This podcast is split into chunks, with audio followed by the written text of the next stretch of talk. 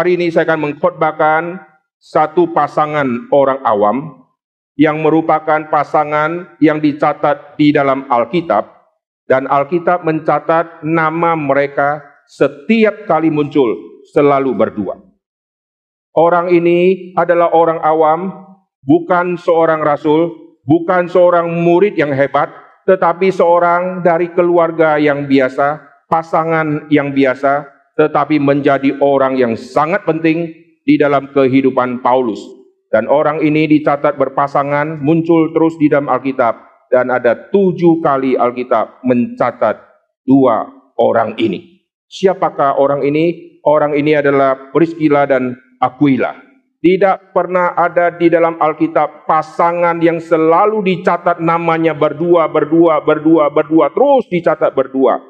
Sering kalau dicatat berdua cuma satu dua kali, sisanya muncul nama pasangannya yang laki-laki dicatat sekali, kadang-kadang nama yang wanita dicatat sekali. Tapi yang Priscilla Aquila, kalau muncul salah satu nama, pasti ada nama yang kedua yang muncul. Kalau Priscilla yang disebut, Aquila pasti disebut. Kalau Aquila disebut, pasti Priscilla juga disebut.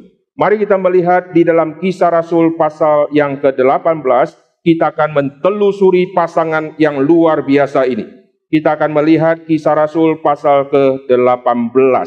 Ini pemunculan pertama pasangan ini. Ayat yang pertama saya akan membacakan, kemudian Paulus meninggalkan Athena lalu pergi ke Korintus. Di Korintus ia berjumpa dengan seorang Yahudi bernama Aquila yang berasal dari Pontus. Ia baru datang dari Italia dengan Priscilla istrinya karena Kaisar Claudius telah memerintahkan supaya semua orang Yahudi meninggalkan Roma. Paulus singgah ke rumah mereka. Ayat ketiga, dan karena mereka melakukan pekerjaan yang sama, ia tinggal bersama-sama dengan mereka. Mereka bekerja bersama-sama karena mereka sama-sama tukang kemah. Ini penjelasan perdana apa yang terjadi di dalam pasangan ini. Pasangan ini adalah pasangan yang suaminya dari Pontus, lalu mereka tinggal di Roma. Bisa tinggal di Roma, ini harus mengikuti semua persaingan yang begitu luar biasa. Apalagi bisa tinggal lumayan lama, saudara. Karena kota Roma adalah kota yang berkebudayaan sangat tinggi. Orang yang tidak ada kualitas apa-apa tinggal di kota besar maka akan tersaing dengan orang-orang yang berkebudayaan tinggi dengan IQ otak yang begitu hebat. Tapi pasangan ini tidak dicatat mereka dari kalangan ningrat, tapi dicatat mereka dari Roma nanti akan pindah ke Korintus. Karena Kaisar Claudius memerintahkan untuk mengusir semua orang Yahudi. Ini adalah cara Tuhan. Tuhan mengadakan semua cara-cara yang ajaib di dalam Alkitab untuk nanti tujuannya mempertemukan orang-orang tertentu dengan orang-orang yang Tuhan sudah siapkan.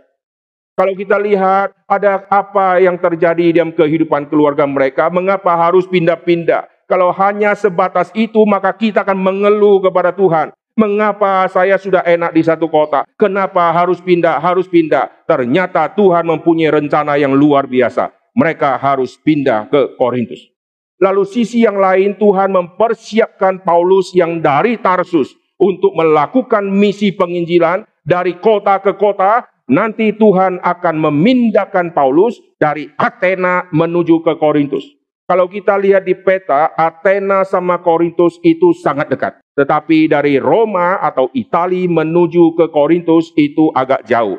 Dan di Korintus itulah Tuhan akan bekerja luar biasa kepada orang-orang Korintus sekaligus kepada dua orang yang namanya disebut tadi, yaitu Priscilla dan Aquila.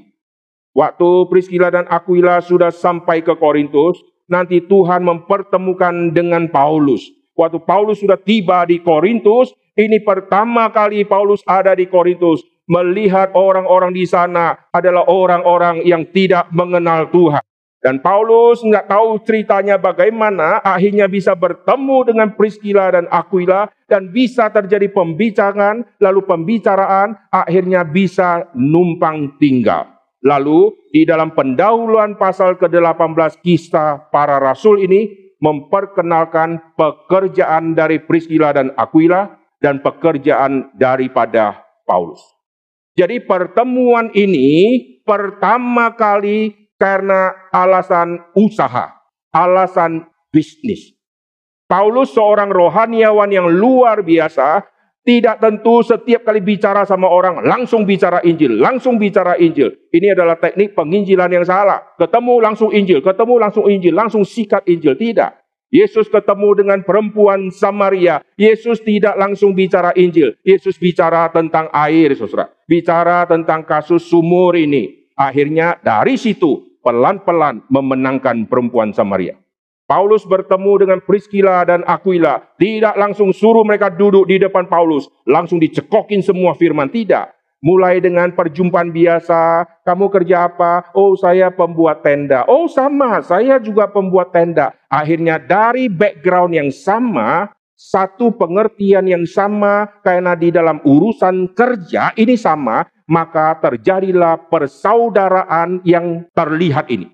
Lalu apa yang terjadi? mereka menampung Paulus tinggal di rumah. Nah, saya percaya inilah titik penting di dalam kehidupan Priscilla dan Aquila yang akan Tuhan siapkan menjadi orang kunci dan orang hebat di dalam perjanjian baru. Awalnya mereka bukan orang yang ternama, mereka orang yang biasa saja. Mereka adalah orang yang pasti berbisnis yang sama waktu di Roma. Lalu waktu sudah sampai ke Korintus, mereka juga melakukan hal yang sama dan Tuhan pertemukan dengan Paulus. Akhirnya nanti Paulus bisa tinggal di rumah mereka. Tinggal bersama hamba Tuhan. Ini adalah hal yang sangat penting. Orang mau menerima hamba Tuhan tinggal di rumahnya. Dan orang mau tinggal di rumahnya hamba Tuhan. Ini adalah hal yang sangat penting di dalam Alkitab. Waktu dua orang murid Yohanes Pembaptis mengikuti Tuhan Yesus, lalu mereka tanya, di manakah engkau tinggal? Mari dan lihatlah. Lalu saat itu terjadi pertemuan dengan Tuhan Yesus dan tinggal bersama-sama. Ini tinggal bersama-sama tema yang sangat penting. Waktu orang-orang Samaria yang dibawa oleh perempuan Samaria datang kepada Yesus, Yesus tinggal bersama-sama dengan mereka. Lalu nanti setelah itu keluar kalimat, Yesus sungguh-sungguh juru selamat dunia. Jadi tinggal bersama bukan kuliner bersama, bukan makan lalu bicara bisnis tidak habis-habis. Tinggal bersama ini adalah satu kesempatan yang luar biasa melihat rohani daripada Paulus yang akan mempengaruhi dua orang yang sekarang Paulus tinggal di rumahnya ini. Kita lihat ini pendahuluan di kisah Rasul pasal 18 adalah pendahuluan yang sangat penting. Ayat yang ketiga, mereka bekerja bersama-sama. Oh, Paulus tidak merasa aku adalah orang rohani tingkat tinggi. Aku hanya bekerja bersama-sama dengan orang yang levelnya tinggi. Paulus merendahkan dirinya luar biasa, lalu bisa bekerja sama dengan orang yang tidak ada nama ini. Pada Paulus sudah punya nama luar biasa. Dari kota ke kota namanya sudah begitu harum dan sekarang dia rela tinggal di rumah orang biasa ini dan mereka bekerja sama-sama. Nah, banyak orang mengambil ayat ini lalu hamba-hamba Tuhan juga mengambil ayat ini dengan berkata, kami hamba Tuhan selain khotbah di gereja Senin sampai hari Sabtu, kami ada bisnis sampingan karena kami ikut Paulus. Ingat Paulus waktu tinggal di Korintus lalu bekerja bersama-sama dengan Aquila dan Priscilla ini ini hanya satu kali dicatat di sini berhubungan dengan mereka bekerja sama-sama di dalam membuat tenda. Paulus hidupnya adalah untuk misi Tuhan dan saat Paulus ada waktu yang kosong Paulus tidak mau membebankan orang-orang yang dia sudah layani untuk mereka keluarkan uang untuk mendukung misi Paulus. Paulus adalah tipe hamba Tuhan yang kalau bermisi berani keluar uang dari kantong sendiri. Lalu kantong sudah tidak ada, maka bagaimana bisa ambil uang dari kantong? Dan dia punya keahlian, maka dari keahlian dia, dia bisa mendapatkan sejumlah uang bukan untuk dirinya, tetapi untuk dia siapkan untuk misi Tuhan. Jadi hamba-hamba Tuhan yang mengambil ayat ini, lalu membela hamba-hamba Tuhan boleh bekerja sampingan untuk dapatkan uang, ayat ini tidak cocok untuk hamba-hamba Tuhan ambil. Karena hamba-hamba Tuhan yang ambil ayat ini setelah dapat keuntungan, semua dipakai untuk anaknya, untuk anaknya sekolah, anaknya kuliah, renovasi rumah, beli mobil, lalu untuk foya-foya jalan-jalan ke luar negeri. Lalu dengan bahasa rohani, aku hamba Tuhan dan aku juga seperti Paulus yang bekerja untuk kemah itu. Paulus adalah orang yang dapatkan hasil dari keuntungan kemah, lalu seluruh hasil itu dia akan pakai untuk misi Tuhan. Nah, ini perjumpaan pertama yang sangat menarik yang akan merubah seluruh konsep Priscilla dan Aquila nanti. Lalu setelah itu apa yang terjadi? Setiap hari Sabat Paulus masuk ke rumah ibadat orang Yahudi. Aquila adalah orang Yahudi. Maka Aquila mendapatkan kesempatan setiap kali hari Sabat waktu dengar khotbah, khotbahnya datang dari hamba Tuhan ternama yaitu Paulus. Kalau Paulus tidak ada di Korintus, orang-orang di hari Sabat dengar khotbah dari orang-orang yang ada hadir di situ. Tetapi Paulus karena ada di Korintus, Paulus di hari Sabat terus mengajar dan terus berkhotbah sehingga penanaman firman Tuhan yang sejati mulai diterima di dalam rumah ibadat. Selain di rumah ibadat, orang-orang pulang dari rumah ibadat semua pulang ke rumah masing-masing, tapi Paulus nanti akan bersama dengan Priscilla dan Aquila. Sehingga Priscilla dan Aquila mendapatkan pelajaran yang lebih, saudara. Banyak orang sekarang ke gereja kalau sudah dengar firman Tuhan, lalu dikasih pelajaran tambahan. Semua tidak tertarik. Kenapa? Hari Minggu saya sudah dengar khotbah, sudah cukup pada dia dengar khotbah, yang dia dengar, yang dia tangkap hanya lima menit dari satu jam khotbah.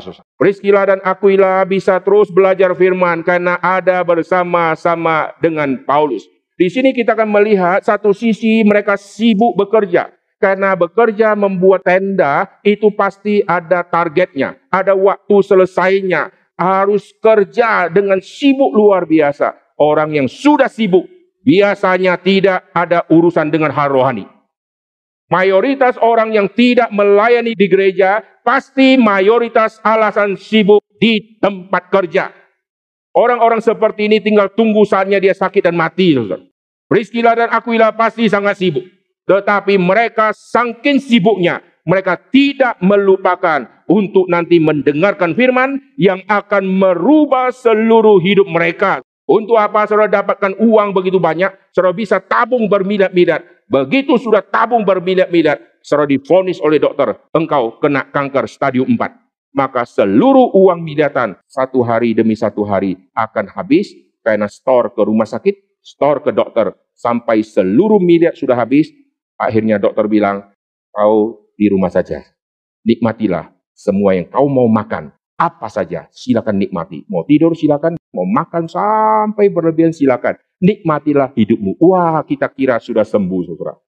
Lalu tanya dokter, maksudnya apa? Umurmu sisa dua hari. Nah, nikmatilah kau. Semua yang dia dapat akhirnya habis di dalam waktu yang begitu singkat. Hanya seluruh waktu di dalam dunia yang begitu berharga hilang sia-sia. Priscilla dan Aquila menjadi contoh kepala keluarga suami dan istri yang harus menegur setiap kita anak-anak Tuhan yang katanya sudah menjadi orang Kristen tetapi tidak pernah gubris tentang firman Tuhan yang membentuk hidup. Yang ada adalah terus bekerja, terus bekerja, terus bekerja. Yang saya lihat di dalam gereja Tuhan terjadi satu kontras yang sangat aneh, saudara. Waktu pacaran, laki-lakinya misalnya ketua pemuda. Wanitanya misalnya jadi wakilnya. Wah, dua-duanya sangat rajin melayani. Lalu dua yang sangat rajin melayani ini masih terpisah karena beda rumah, belum jadi suami istri. Lalu setelah nikah menjadi satu kekuatan yang double karena sudah jadi satu. Tetapi faktanya setelah duanya menikah, nanti satu tidak melayani lagi. Kalau begitu, lebih baik nggak usah nikah selama-lamanya karena rajin. Sudah nikah jadi tidak rajin, heran. Ini masih mending karena dua sudah dinikahkan lalu satu tidak rajin. Yang aneh dua sudah nikah, dua-duanya akhirnya hilang dari gereja saudara. Heran saudara. Saya menyaksikan banyak yang terjadi seperti ini di dalam gereja Tuhan. Maka kadang-kadang di dalam hati saya, Tuhan lebih baik mereka tidak usah nikah daripada sudah nikah tidak melayani. Tetapi Tuhan sangat berbelas kasihan kepada orang seperti ini. Tuhan masih izinkan mereka masuk di pernikahan supaya nanti mereka bisa sama-sama belajar untuk melayani Tuhan. Tapi Tuhan tunggu berpuluh tahun sampai mereka nikah sudah kakek nenek tetap tidak melayani dan Tuhan tetap sabar. Ini anugerah Tuhan. Priscilla dan Aquila selalu dicatat berdua-dua.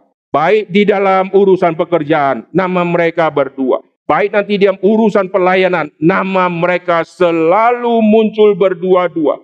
Dan nanti saudara perhatikan, di antara dua orang ini, dimulai dengan Aquila yang adalah suami dan Priscilla yang adalah istri, nanti Alkitab akan memutarkan nama mereka menjadi Priscilla dan Aquila. Saya percaya waktu Alkitab memutarkan nama mereka, ini peranan Priscilla yang jauh lebih dari Aquila. Kadang-kadang di dalam pelayanan ada suami yang lebih nonjol, biasa. Ada istri yang lebih nonjol, biasa. Tetapi yang tidak biasa, waktu si suami nonjol, istri sama sekali tidak nonjol dan tidak melayani. Itu yang bahaya. Lalu kalau si istrinya nonjol, suami tidak nonjol, tidak nonjol dalam arti tidak pernah melayani sama sekali. Ini bahaya. Waktu Priscilla akhirnya menjadi lebih nonjol dari Aquila, tetapi Aquila tetap melayani karena nama mereka selalu disebut berdua, saudara. Di dalam pelayanan kita harus menerima satu fakta, ada orang baik suami atau istri yang akan melayani lebih daripada si pasangannya. Itu sudah pasti. Tetapi waktu lebih, ini puji Tuhan karena dua menjadi satu. Yang satu lebih, yang satu membantu. Bukan yang satu sudah lebih, yang satu hilang dari peredaran. Perjumpaan ini perjumpaan yang menarik luar biasa. Nanti mereka akan mendapatkan semua pengajaran doktrin yang sangat dalam melalui mulutnya Paulus. Lalu di dalam pelayanan di Korintus, Paulus alami begitu banyak serangan dan tantangan. Lalu Paulus memutuskan, aku akan meninggalkan kota ini. Kalau engkau meninggalkan kota ini, bagaimana nasibnya Priscilla dan Aquila? Tuhan tidak mengizinkan Paulus meninggalkan Korintus. Tuhan berkata, banyak umatku di kota ini. Siapakah umat yang disebut? Salah satunya adalah Priscilla dan Aquila. Lalu salah duanya, salah tiganya, salah empatnya itu masih banyak orang yang nanti akan menjadi orang percaya melalui pemberitaan Paulus. Tetapi saya hanya menyoroti Priscilla dan Aquila. Jadi banyak umatku, ini banyak orang nanti satu persatu akan menjadi orang percaya. Tapi sasaran yang sangat penting adalah dua orang yang menyambut Paulus ini. Mari kita telusuri kisah Rasul pasal yang ke-18 ini. Perhatikan ayat keempat. Setiap hari sabat Paulus berbicara dalam rumah ibadat dan berusaha meyakinkan orang-orang Yahudi dan orang-orang Yunani. Lalu saya akan loncat, perhatikan ayat yang keenam. Tetapi ketika orang-orang itu memusuhi dia dan menghujat, ia mengebaskan debu dari pakaiannya dan berkata kepada mereka, biarlah darahmu tertumpah ke atas kepalamu sendiri. Aku bersih tidak bersalah. Mulai dari sekarang aku akan pergi kepada bangsa-bangsa yang lain. Maka keluarlah ia dari situ, lalu datang ke rumah seorang bernama Titius Justus Orang ini disebut beribadah kepada Allah.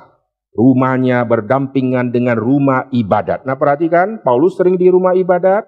Lalu ada orang yang rumahnya di samping rumah ibadat. Dan orang itu Titius Justus yang beribadah kepada Tuhan. Berarti Titius Justus akan mendapatkan berkat firman yang luar biasa itu.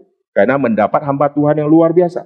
Ayat ke-8, tapi Krispus kepala rumah ibadat. Nah, kepala rumah ibadat sekarang sudah menjadi orang percaya dengan seisi rumahnya. Oh, satu persatu buah-buah sudah dihasilkan. Lalu ayat ke-9. Jangan takut, teruslah memberitakan firman dan jangan diam sebab banyak umatku di kota ini. Akhirnya Paulus tinggal di Korintus satu setengah tahun. Perhatikan, satu setengah tahun itu adalah waktu yang tidak lama dan tidak pendek. Dan satu setengah tahun selama Paulus ada di Korintus, Paulus mempersiapkan dua orang yang akan menjadi rekan sekerja dia. Tadi awalnya Priscilla dan Aquila rekan sekerja bisnis. Tetapi nanti akan dirubah oleh Paulus menjadi rekan sekerja di dalam misi Tuhan. Maka setelah satu setengah tahun, masa ini sudah berakhir, Paulus harus pergi ke tempat yang lain. Maka pasti ada perpisahan yang sangat menyedihkan kepada semua orang yang ada di Korintus. Karena tidak tahu kapan akan kembali lagi. Dan heran. Saat itu Priscilla dan Aquila memutuskan kami akan ikut misi. Saudara yang sudah nikah berapa lama? Berapa kali saudara ikut misi bersama suami dan istri? Kebanyakan orang sudah nikah, ikut misi pun tidak mau. Mereka ikut misi bersama dengan Paulus. Ini namanya cari mati. Karena Paulus akan menjelajah seluruh wilayah-wilayah berhala yang begitu mengerikan. Kau ikut Paulus, lu akan dimatikan bersama dengan Paulus. Kalau ikut hamba Tuhan, pergi bermisi, karena banyak jalan-jalannya. Oh, semua pengen, saudara. Semua bawa kamera yang paling canggih untuk foto-foto. Perginya satu koper, pulangnya dua koper. Karena souvenir lebih banyak daripada baju yang dia bawa, saudara. Lalu sampai ke satu kota, kuliner-kuliner sampai sudah kenyang. Lalu trip berikutnya akan menuju ke kota itu. Lalu tanya orang yang sama, mau berangkat lagi? Enggak, saya sudah pernah ke sana. Hah, sudah pernah ke sana. Berarti kau ke sana bukan karena misi. Kau ke sana karena belum pernah ke sana. Sekarang mereka akan mengikuti Paulus dalam misi. Perhatikan perubahan mereka dari rekan sekerja bisnis sekarang menjadi rekan sekerja di dalam misi. Mari kita lihat di dalam kisah Rasul pasal yang ke-18. Saya akan baca ayat ke-18. Hari ini kita akan mentuntaskan dua nama ini, perubahan yang terjadi di dalam dua nama ini. Ayat ke-18, Paulus tinggal beberapa hari lagi di Korintus, lalu ia minta diri kepada saudara-saudara di situ dan berlayar ke Syria. Sesudah ia mencukur rambutnya di Kengkrea, karena ia telah bernasar jadi satu sisi Paulus ingin meninggalkan Korintus. Tuhan bilang tidak boleh kau pergi. Dan Paulus harus menahan kehendak dirinya. Dan saat itu dia bernasar. Satu setengah tahun aku harus taat pimpinan Tuhan. Maka orang yang bernasar di dalam Alkitab sering dikaitkan mereka tidak potong rambut. Setelah masa nasar selesai, baru potong rambut. Saya tidak bisa bayangkan satu setengah tahun saudara tidak potong rambut. Masuk ke salon, orang salon langsung ganti gunting baru, saudara. Karena sudah kayak sabuk ijuk itu ya. Itu sapu ijuk ya, itu kerasnya luar biasa. Dan saat itu Paulus mulai dandan-dandan, rapikan rambut, menjadi muda lagi itu ya. Lalu perhatikan Alkitab mencatat Priscilla dan Aquila. Nama ini sudah disebut Priscilla Aquila. Perhatikan peranan wanita ini sangat penting. Priscilla nama istri, Aquila nama suami. Sudah terjadi perputaran. Priscilla dan Aquila menyertai. Ayat ke-19, lalu sampailah mereka di Efesus, Paulus meninggalkan Priscilla dan Aquila di situ. Jadi Paulus membawa dua orang suami istri ini untuk ikut misi. Sudah ikut misi, sekarang tiba di kota Efesus. Kota Efesus adalah kota yang berhalanya mengerikan Dewi Artemisnya begitu mengerikan.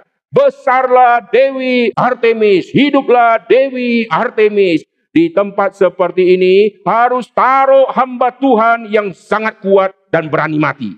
Tapi kenapa taruh orang awam yang biasa-biasa? Taruh satu ibu rumah tangga sama satu orang suaminya yang mendampingi. Berarti Paulus sudah melihat dua orang ini meskipun awam tetapi berjiwa luar biasa dan mereka ditaruh di Efesus.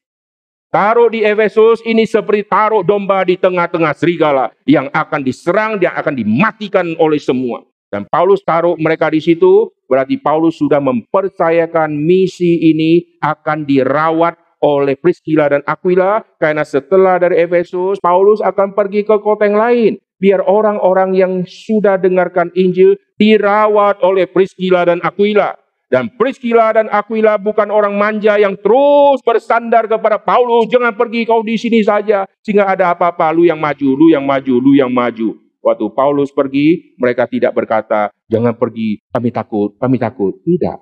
Paulus pergi, mereka tetap stay di Efesus. Sampai hari ini kalau saudara lihat kota Efesus, puing-puingnya begitu megahnya luar biasa. Dan setiap kali orang pergi ke Efesus, mereka terkagum-kagum sama Efesus. Dan saat itu, waktu Paulus masih hidup, Efesus betul-betul kota yang sangat megah dengan kuil Artemis yang pilarnya itu besarnya luar biasa. Saya waktu ke Sardis, lalu lihat puing Dewi Artemis, lihat pilar Dewi Artemis. Satu pilar, saya tidak bisa peluk. Perlu empat orang baru bisa peluk satu pilar kuil Artemis di kota Sardis. Bayangkan, satu kuil Artemis bisa ada seratus pilar. Berapa besarnya kuil itu?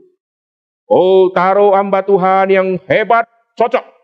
Taruh kepala keluarga yang tukang tenda ini sama istrinya, tidak cocok. Tapi perhatikan, waktu mereka ditaruh di Efesus, Paulus pergi keliling-keliling ke tempat lain, nanti Apolos akan datang ke Efesus. Nah perhatikan, tadi di awalnya Priscilla Aquila Tuhan atur pertemuan dengan Paulus. Setelah rubah konsep mereka, mereka sekarang berjiwa misi, sekarang Tuhan akan pertemukan mereka dengan Apolos di kota Efesus. Apolos seorang ahli yang luar biasa. Mereka yang berdua tadi orang jemaat biasa. Mereka ikut mendengarkan apa yang Apolos khotbahkan. Waktu mereka mendengarkan khotbah dari hamba Tuhan besar hebat ini, ahli perjanjian lama, mereka tidak minder karena selama satu setengah tahun mereka bersama dengan Paulus, mereka belajar banyak rahasia tentang kristologi. Waktu mereka mendengarkan Apolos berkhotbah, mereka tahu pengertian Apolos kurang sempurna masih sampai kepada level baptisan Yohanes. Dia belum mengetahui tentang apa yang Yesus ajarkan yang lebih rinci. Setelah mereka mendengar hamba Tuhan yang hebat ini, tapi masih ada kesalahan di dalam konsep kristologinya masih belum komplit. Lalu mereka ajak Apolos ke rumah. Oh luar biasa. Mereka tidak langsung angkat tangan interupsi, Khotbahmu salah, ayat yang kau kutip salah, kalimat kedua salah, kalimat keempat benar, kalimat keenam salah. Tidak, saudara. Tidak mempermalukan hamba Tuhan. Dia ajak hamba Tuhan ini ke rumahnya, lalu diskusi firman. Wah, ini namanya cari mati, saudara. Ajak orang ahli PL diskusi Alkitab. Wah, cari mati dia. Tetapi heran, Apolos orang yang luar biasa dipakai Tuhan. Tuhan tahu dia berjiwa apologet yang luar biasa, tetapi ada pengkoreksian yang dia harus terima sambil berkhotbah, sambil nanti dikoreksi. Waktu dikoreksi dia senangnya luar biasa. Dan apa yang dilakukan Priscilla dan Aquila mengkoreksi ajaran Apolos, ini adalah hal yang sangat penting. Karena setelah itu Apolos akan menuju ke Akaya atau ke Korintus. Perhatikan, tadi perjumpaan Aquila, Priscilla sama Paulus di Korintus. Nanti Apolos dari Efesus akan menuju ke Korintus. Ada apa dengan Korintus? Korintus didatangi oleh orang-orang hebat dan dipengaruhi oleh orang-orang hebat karena Tuhan mau bekerja luar biasa di kota Korintus. Kota Korintus adalah kota yang banyak orang-orang percaya, tetapi mereka adalah orang-orang kudus yang banyak sekali dosa-dosa mereka. Maka kitab Korintus mencatat semua dosa-dosa orang Korintus. Dan di Korintus mereka mendapatkan pengajaran dari Paulus satu setengah tahun. Dan mereka juga mengidolakan Kefas. Berarti ada kemungkinan waktu hari Pentakosta, waktu orang-orang datang ke Yerusalem, saat waktu Petrus berkhotbah, mungkin ada orang-orang yang sudah dengarkan Injil dari Petrus, lalu mereka ada di Korintus sekarang. Lalu mereka bangga, kami golongan dari Kefas, kami senior, kami adalah orang percaya bertobat dari khotbahnya si Kefas. Yang lain berkata, enggak, kami dari Paulus, orang hebat itu. Lalu muncul satu golongan, kami dari golongan Apolos. Perhatikan, berarti Apolos orang penting yang nanti levelnya disejajarkan dengan Kefas, disejajarkan dengan Paulus. Dan Apolos yang orang penting ini akan menjadi orang penting di Korintus. Sebelum menjadi orang penting di Korintus, terjadi pertemuan di Efesus. Priscilla Aquila mengkoreksi pengertian Apolos. Lalu di Korintus menjadi satu tempat yang luar biasa orang Kristen berkembang tapi perpecahan gila-gilaan.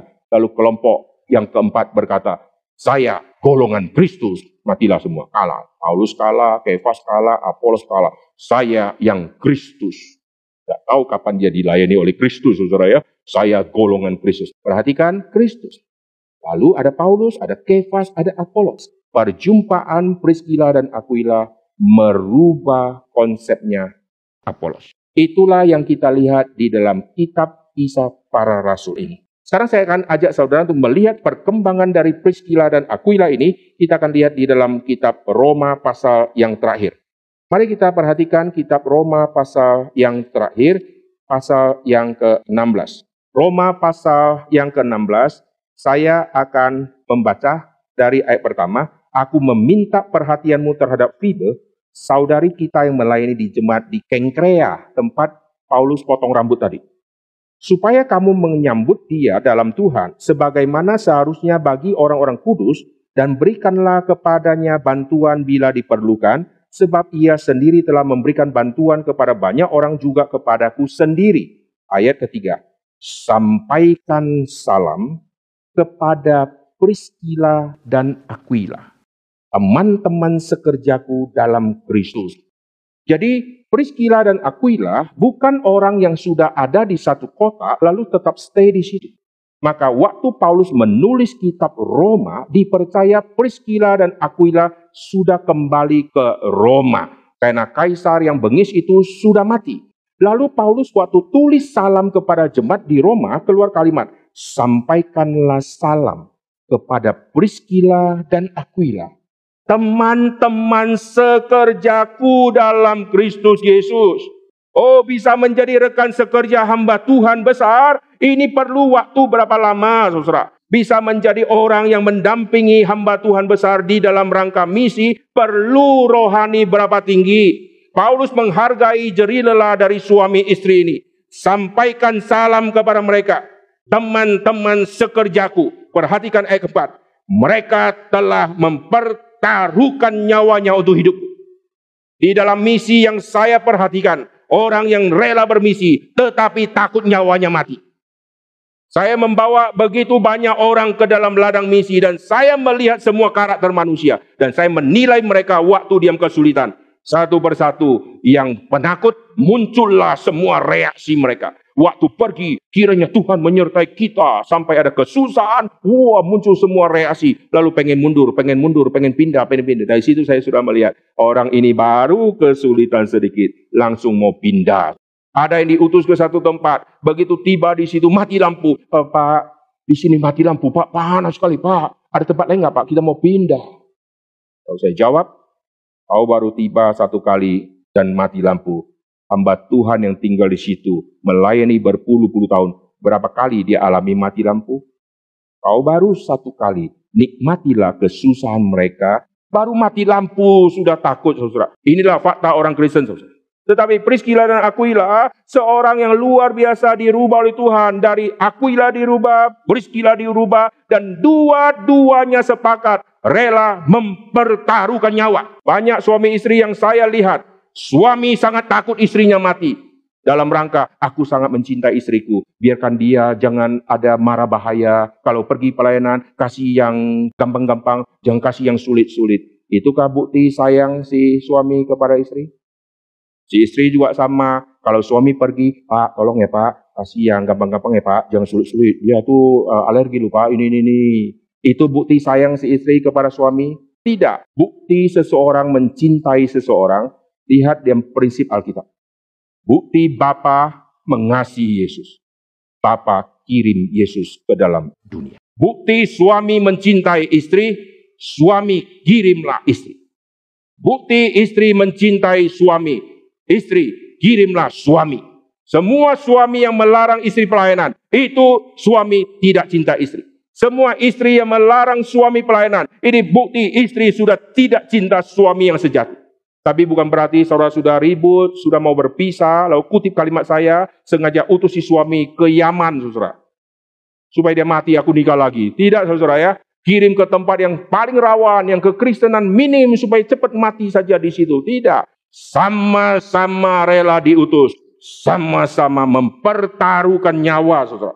Kita lihat pasal 16 kitab Roma ayat keempat. Mereka telah mempertaruhkan nyawanya untuk hidupku kepada mereka bukan aku saja yang berterima kasih, tetapi juga kepada semua jemaat bukan Yahudi. Jadi jadi berkat bukan hanya menjadi contoh teladan kepada satu orang hamba Tuhan besar, tapi menjadi contoh bagi semua. Semua ini siapa? Yang bukan Yahudi. Berarti di luar kemampuan mereka yang adalah orang Yahudi. Orang Yahudi tidak mampu mengasihi orang yang bukan Yahudi karena itu najis sekarang melewati batas kemampuan. Itulah standar pelayanan di dalam kekristenan.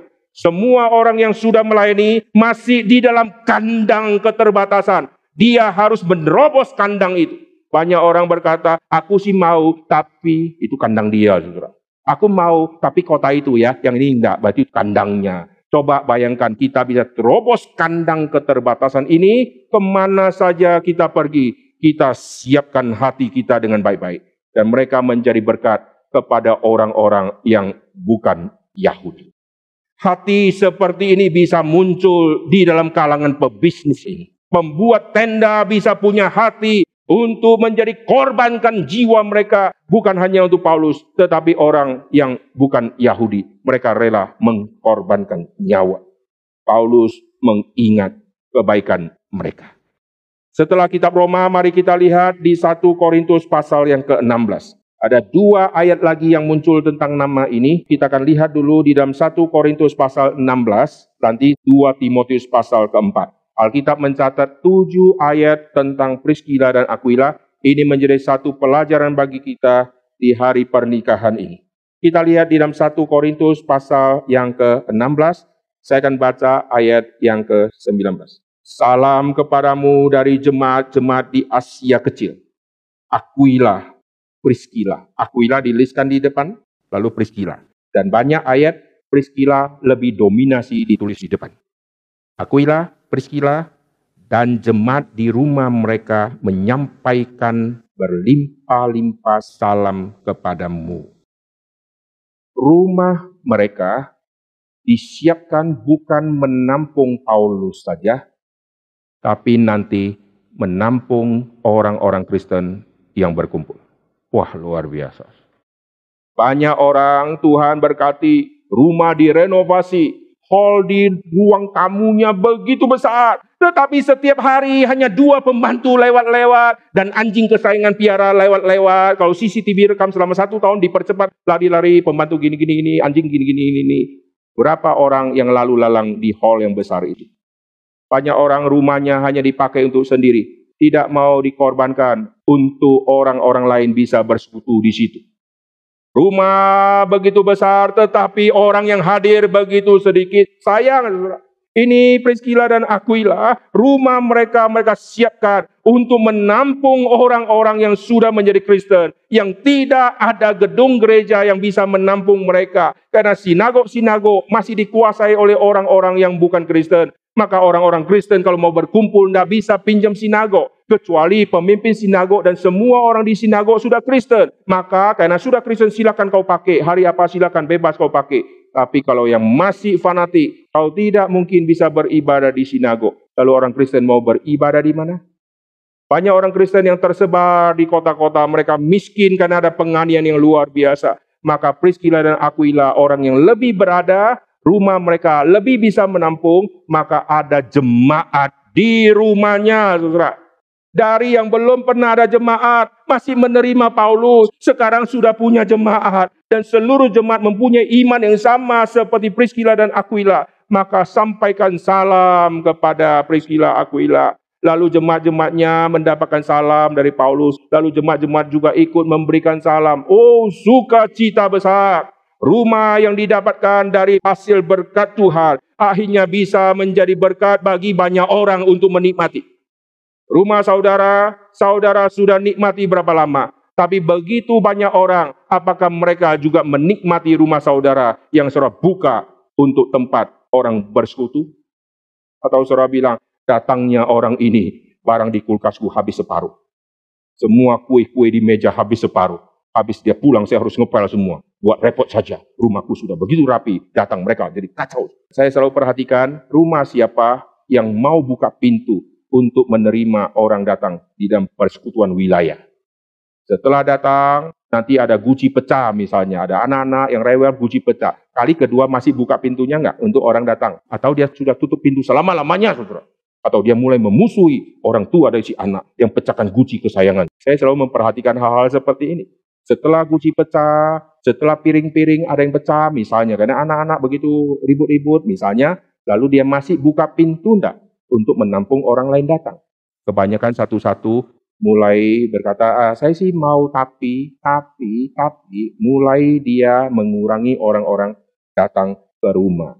Priscilla dan Aquila menyambut orang, dan akhirnya muncullah kelompok orang-orang percaya dan saya percaya Priscilla dan Aquila tanda petik menjadi gembala mereka yang menggembalakan mereka dengan semua pengertian firman yang mereka sudah dapat dengan jiwa misi yang berkobar-kobar akhirnya membentuk semua orang yang datang menjadi orang-orang Kristen yang sungguh-sungguh takut kepada Tuhan. Sekarang bagian yang terakhir kita akan lihat di dalam kitab Timotius. Mari kita lihat di 2 Timotius pasal yang keempat, ayat yang ke-19. Salam kepada Priskila atau Priska. Priskila nama lain atau nama pendeknya adalah Priska. Salam kepada Priska dan Aquila dan kepada keluarga Onesiphorus. Kalimat ini sangat pendek, sangat singkat, tapi membuat saya terharu. Kenapa? Karena dua Timotius adalah kitab di mana Paulus akan menuju kepada kematian. Saya tanya saudara, saudara akan mati. Apa yang saudara ingat, saudara? Oh, ada orang mau mati, dia ingat. Bersyukur hutangku 8 miliar akan lunas mengikuti saya mati. Ada orang ingat, aduh ada 15 kota lagi aku belum kunjungi gitu ya. Waktu sudah mau mati, ingat, oh saya punya kunci brankas. Harus cepat-cepat kasih ke istri nomor pinnya. Banyak orang akan mempunyai banyak rencana kalau dia mau mati. Paulus yang sudah mau mati, di otak dia masih ingat dua nama ini. Salam kepada Priska dan Aquila. Jadi hidup Paulus di otaknya ini banyak daftar nama, saudara. Dan semua daftar nama bisa ada yang dilupakan, bisa ada yang muncul. Diam kondisi tertentu muncul dua nama, diam kondisi tertentu bisa teringat lima nama. Tapi heran saat Paulus sudah menuju kepada kematian, bisa muncul nama Priscilla dan Aquila. Berarti orang itu sudah membekas di dalam hidupnya Paulus dan orang ini sungguh-sungguh orang Kristen yang Paulus anggap lulus. Berapa banyak orang sudah jadi Kristen, tetapi tidak lulus-lulus. Sudah jadi orang Kristen begitu lama, sudah dengarkan firman Tuhan berpuluh tahun, tidak lulus-lulus. Priscilla dan Aquila hanya satu setengah tahun. Maka di hari pernikahan ini saya harap Pak Bara sama saudari Kristina ini akan menjadi hamba Tuhan yang dua-duanya melayani Tuhan. Amin. Bukan hanya satu yang sibuk-sibuk lalu satu diam-diam, tetapi dua-duanya. Urusan keluarga memang sangat rumit, sangat banyak, tetapi harus membagi waktu. Urusan kerjaan Priscilla Aquila sangat sibuk, tapi mereka sudah berhasil membagi waktu. Sehingga mereka tidak dipromosikan sebagai mereka teman yang rekan bisnisku. Paulus tidak berkata salam kepada mereka rekan bisnisku yang ahli buat tenda. Paulus tidak pernah sebutkan profesi mereka, tapi yang Paulus angkat adalah teman sekerjaku. Rela korbankan nyawa untuk aku dan untuk orang-orang yang bukan Yahudi. Kiranya firman Tuhan hari ini mengkuatkan setiap kita. Sudahkah kita menjadi pasangan suami dan istri yang sungguh-sungguh mau dipakai Tuhan secara bersama-sama? Sudah berapa lama kita undur dari Tuhan dan Tuhan masih bersabar? Sudah berapa uang yang kita sudah hasilkan semua uang ini tinggal tunggu waktunya akan di store ke Singapura, store ke dokter di situ, store ke daerah MRI, store ke daerah CT scan, store ke semua alat-alat kemo saudara. Dan serahkan tutup hidup saudara dengan satu peti mati yang saudara juga tidak bisa lihat dan hidup saudara akan berakhir seperti ini. Alangkah indahnya sebelum kita mati, kita sudah dirubah oleh Tuhan dan menjadi berkat bukan hanya di gereja, bukan hanya di tempat kita tinggal, tetapi kepada semua orang melampaui tembok perbatasan kepada orang-orang bukan Yahudi. Itulah yang dilakukan oleh Priscilla dan Aquila menembus batas. Mari kita berdoa. Bapa di surga kami berterima kasih untuk firman yang sudah kami dengarkan. Kami bersyukur untuk semua anugerah Tuhan yang luar biasa ini. Tuhan yang merubah dua orang sederhana menjadi orang penting yang di dalam pelayanan mereka sampai akhir hidup mereka, mereka di dalam catatan sejarah akhirnya menjadi martir demi nama Kristus. Kami bersyukur ya Tuhan atas perubahan yang terjadi dan Tuhan juga rubahlah setiap kami yang hadir di sini maupun yang mendengarkan khotbah melalui live streaming dan seterusnya. Dengar doa kami Tuhan, dalam nama Tuhan Yesus kami berdoa. Amin.